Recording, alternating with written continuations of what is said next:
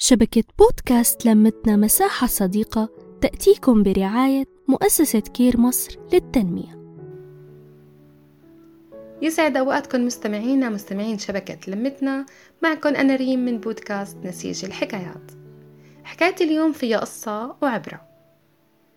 بيوم من الأيام كان في خياط حب يعلم حفيده الصغير درس بحياته على طريقته الخاصة.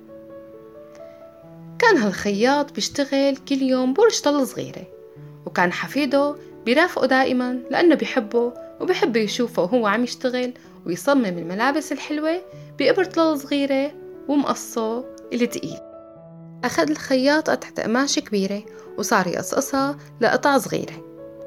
ورجع خيطها وساوى منها فستان من أول وجديد. وبس خلص الخياط من قص القماش أخذ المقص التقيل تبعه ورماه على الأرض عند رجليه كل هاد والحفيد صار يراقب ويتعجب. شو عم يساوي جده بس باهتمام.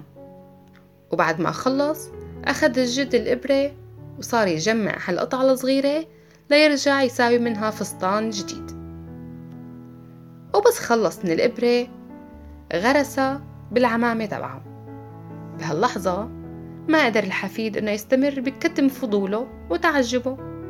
وسأل جده ليش رميت المقص الغالي تبعك على الأرض بين رجليك؟ واحتفظت بالإبرة الرخيصة على عمامتك. رد جده عليه وقال له يا ابني المقص هو اللي قص القطع الكبيرة الصغيرة وفرقها وخلى منها قطعة صغيرة. بس هي الإبرة الرخيصة مثل ما أنت عم تقول جمعت كل هالقطع وساوت منها فستان حلو. حكمة من القصة إنه نكون دائما من النوع يلي بلم شمل الناس مع بعضهم البعض وما بيفرقن عن بعضهم أبدا. وإذا أجاك المهموم يوم اسمع له وإذا أجاك المعتذر سامحه. وإذا ناداك صاحب لحاجة نفعه. وتعلم إنه العطاء حتى بأشد وأصعب ظروفك تعمله. وتعلم كيف تهدي النور والسعادة للي حواليك.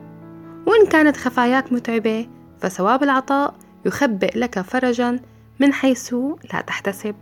دمتم بخير واستنوني بحلقة جديدة من نسيج الحكايات. نحكي نتشارك نتواصل.